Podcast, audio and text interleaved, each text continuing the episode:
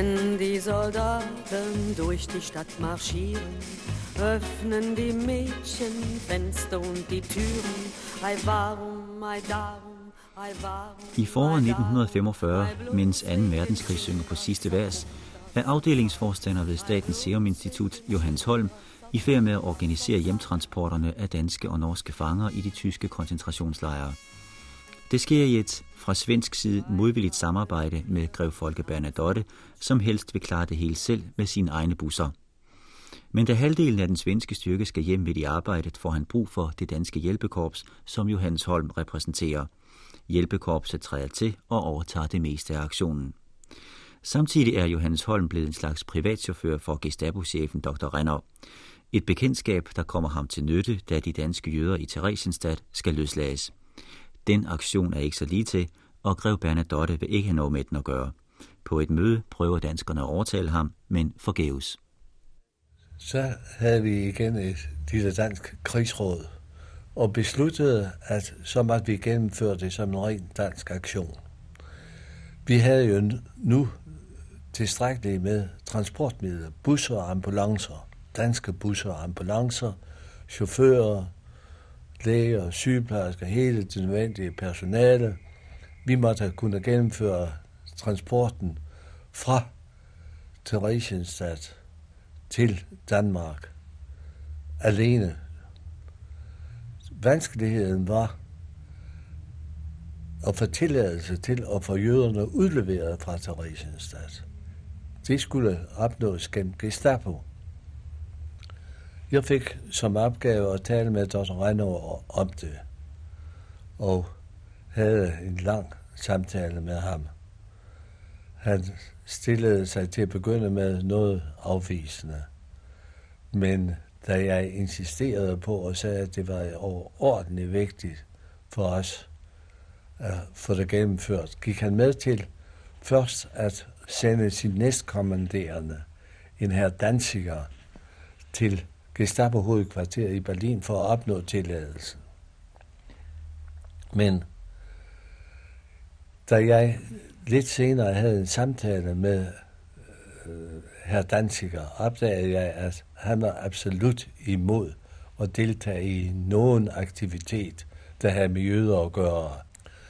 Jeg snakkede igen med Dr. Reinau, og Dr. Reinau indvilligede i at tage en tur til Berlin og, og diskuterede det direkte med gruppen Fyre Møller, som var den eneste, der kunne give tilladelse. Og øh, jeg kørte ham til Berlin, og han forhandlede, men det viste sig, at gruppen Fyre Møller ikke var i Berlin på det tidspunkt. Og ingen andre kunne give tilladelse til at gøre noget ved jøderne. Han havde derfor fået den aftale, at de skulle telefonere besked til ham fra gruppenfører Møller, så snart øh, han kom tilbage til Berlin. Beskeden skulle gå til Frederiksrue. Vi ventede så på, at der skulle komme en telefonopringning til Dr. Renov i øh, Frederiksrue den følgende dag, den 11. april. Men der kom ingen. Og vi fulgte nøje med i krigssituationen og så, at det, de to parter, de nærmede sig hinanden. Men så talte vi med Dr. Rejlov, og han blev klar over, at situationen var alvorlig at der må gøres noget omgående, og han gik med til at gøre det. Og han lagde en plan, at man kunne sende en konvoj af busser fra Frederiksruhe, samtidig med, at han og jeg tog over Berlin for at tale med gruppenfører Müller, og derefter til Theresienstadt. Der var, han havde et problem, han ville være sikker på at, at kunne sige til gruppen Fyre Møller, at de danske jøder ville blive modtaget i Sverige. Og han henvendte sig derfor til Bernadotte, som lige øh, havde sin sidste dag i, i Frederiksruhe og fik bekræftet af Bernadotte, at hvis de danske jøder kom til den svenske grænse, ville de selvfølgelig blive modtaget. Var det øh, Folke Bernadottes øh, indsats i den side af historien, altså at han gav det tilsavn? Ja, det kan man vist godt sige. Og hvad gjorde I så, dig og Dr. Renov? Vi, vi tog afsted, og samtidig, men samtidig havde man fået organiseret den konvoj, der skulle sendes af, samtidig med, at vi tog til Berlin. Det viste sig, at da vi fortalte de to svenske, kaptajn Folke og Dr. Arnoldsen, hvad vi havde planlagt, at de danske busser skulle køre derned, erklærede navnet Folke, at det var for vanskeligt i den situation. Der skulle køres hurtigt for at nå det. Og derfor synes han, at det skulle gøres kun med benzindrevne vogne. Og han sagde, at vi må overtale major Frygtmann til at give os tilladelse til at køre med de 24 svenske busser. Eventuelt med blandet skandinavisk besætning. Og det blev organiseret, sådan at konvojen, der blev sendt afsted samtidig med, at vi drog til Berlin, det var 24 svenske busser og et stort antal øh, danske ambulancer, benzindrevne, en blanding af danske og svenske chauffører, på de danske bus, øh, på de danske øh, ambulancer selvfølgelig kun dansk personale og danske læger og danske sygeplejersker. Det viste sig, at på vejen fra Hamburg til Berlin, der åbnede Dr. Reiner rigtig op for mig for første gang. Han fortalte, at han var klar over, at krigen snart ville være forbi, og at Tyskland havde tabt krigen. Og han var meget ængstelig for sin fremtid, og han var navnlig ængstelig for sin familie, at han havde kone og datter, der var i Tjekoslovakiet. De sad i, i øh, Bruno, der var hovedstaden i provinsen Mæren i Tjekoslovakiet. Og han spurgte mig, om vi ikke i min bil kunne tage dem med tilbage – når vi nu skulle til Prag. Og det havde jeg sagt, at det kunne vi godt. Vi har lagt den plan, at Dr. Reynolds først skulle gå derop og prøve på at forhandle. Og øh, jeg skulle på et bestemt tidspunkt igen komme til Gestapo-hovedkvarteret med min bil.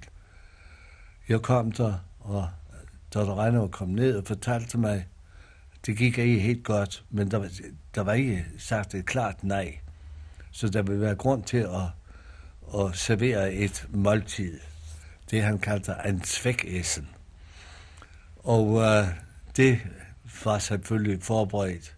Jeg havde fra Finn Nielsen fået alle de bedste sager, vi havde, og bragte det op til i øh, gruppen for Møllers kontor og serverede et måltid, og der var medbragt rigeligt med snaps og øl, og det blev fortæret, og stemningen blev høj. Og øh, jeg kom på, øh, det kan man næsten kalde kammeratlige forhold med, havde venlige samtaler med gruppen Fyre Møller, og underholdt ham. Og til sidst sagde Dr. Reinover, øh, vi har ikke tid længere, nu må vi have de papirer i orden. Så satte han selv sig selv til. Skrivemaskinen klaprede ned, hvad der skulle stå, og øh, tog de stempler, der skulle der på, og stak så gruppenfører Møller papiren til underskrift, og han satte sin underskrift. Jeg er ikke sikker på, at han engang læste igennem, hvad der stod. Og med de papirer forlod Dr. Reiner og jeg Gestapo hovedkvarteret. Det var sidste gang, jeg var der. Gik det så nemt med at få jøderne udleveret, da I kom til Theresienstadt? Ja, det gjorde det i og for sig. De havde lovet i Gestapo-hovedkvarteret i Berlin at sende besked til lejren i, lejrchefen i Theresienstadt. Da vi kom der, var der ikke nogen besked. Men Dr. Renner kendte chefen. Og uh, vi blev venligt modtaget, og han sagde, at han forstod godt, at telefonforbindelsen var dårlig, og uh, hvis vi kunne skaffe et papir fra øh, uh, stadholderen i Prag, så ville han ikke have noget imod det, og udlevere alle de danske jøder, og man kunne træffe forberedelserne til det allerede i forvejen, fordi Dr. Renner sagde, at det skal vi let skaffe. Så alle forberedelserne blev truffet. Jeg havde en samtale med øh, overrabiner øh, Fridiger, og gennemgik med ham kartoteket, og der blev lavet aftaler om, hvor, hvornår de danske jøder skulle stå klar til indløsning i busserne, når de kom. Det viste sig, at den kolonne, der var sendt afsted, den kom lidt senere, fordi den havde måttet tage en omvej. Men uh, den ankom, og uh, alle blev låst ind og kørt igennem, og kørte afsted så hurtigt det kunne gøres, og det var på høje tid, da Dr. og jeg kørte i forvejen, men øh, busserne kom nogle timer senere, og der var vanskeligt ved at komme igennem Dresden, da vejspærrene var nede. Men ved hjælp af cigaretter og, og mad fik man spærrene op og kørte igen, og konvojen gik direkte til den danske grænse og derefter til, den, til øh, København, hvor jøderne blev afleveret i Frihavnen. Her slutter Johannes Holms historie om det danske hjælpekorps. Forklaringen på, at den først fortælles nu, over 39 år efter, kommer i efterspillet. Her er epilogen. Nogle måneder efter, at krigen var forbi, var den lille gruppe, der har udgjort det danske hjælpekorps, inviteret til en middag hos afdelingsleder Vas på Amager. Og der diskuterede man netop, hvor meget der skulle offentliggøres angående de aktiviteter, det danske hjælpekorps havde været involveret i. Departementchef Kok havde fra en bevilling, der var givet, mens vi endnu havde et finansudvalg, der virkede til at hjælpe øh, kommunisterne i Horsrødlejren på nogen, jeg tror det var på 50.000 kroner. På den bevilling havde Kok overtrukket, så han havde brugt mange millioner kroner. Så der ville være god grund til at lave en fyldig rapport over, hvordan de penge var brugt. Men Frans Fass sagde, at han syntes ikke, at vi skulle lave nogen rapport. Det var tydeligt, at svenskerne ønskede, at det skulle være anerkendt som en svensk aktion. Og François sagde, at han kunne godt forstå svenskerne. De havde mægtig brug for alt den goodwill, de kunne skaffe sig. Ikke alene i Danmark, men også i Norge. Fordi de var på det tidspunkt uendelig uh, upopulære. Han syntes derfor, at man skulle lade være med at lave en rapport. Og slet ikke offentliggøre noget om de egentlige aktiviteter. Så derfor blev det besluttet, at man skulle ikke offentliggøre noget som helst angående det danske hjælpekorps virksomhed i de første mange år. Nu, da vi alle sammen er blevet pensioneret og snart ikke eksisterer længere, så er det på tide, at vi retter historien. Fordi hjemførselen af både Danmark, de danske og de norske fra de tyske koncentrationslejre og fængsler. Det er en historisk begivenhed. Men den historie skal være korrekt, og den er ikke korrekt, som den bliver citeret af dem, der har skrevet om det.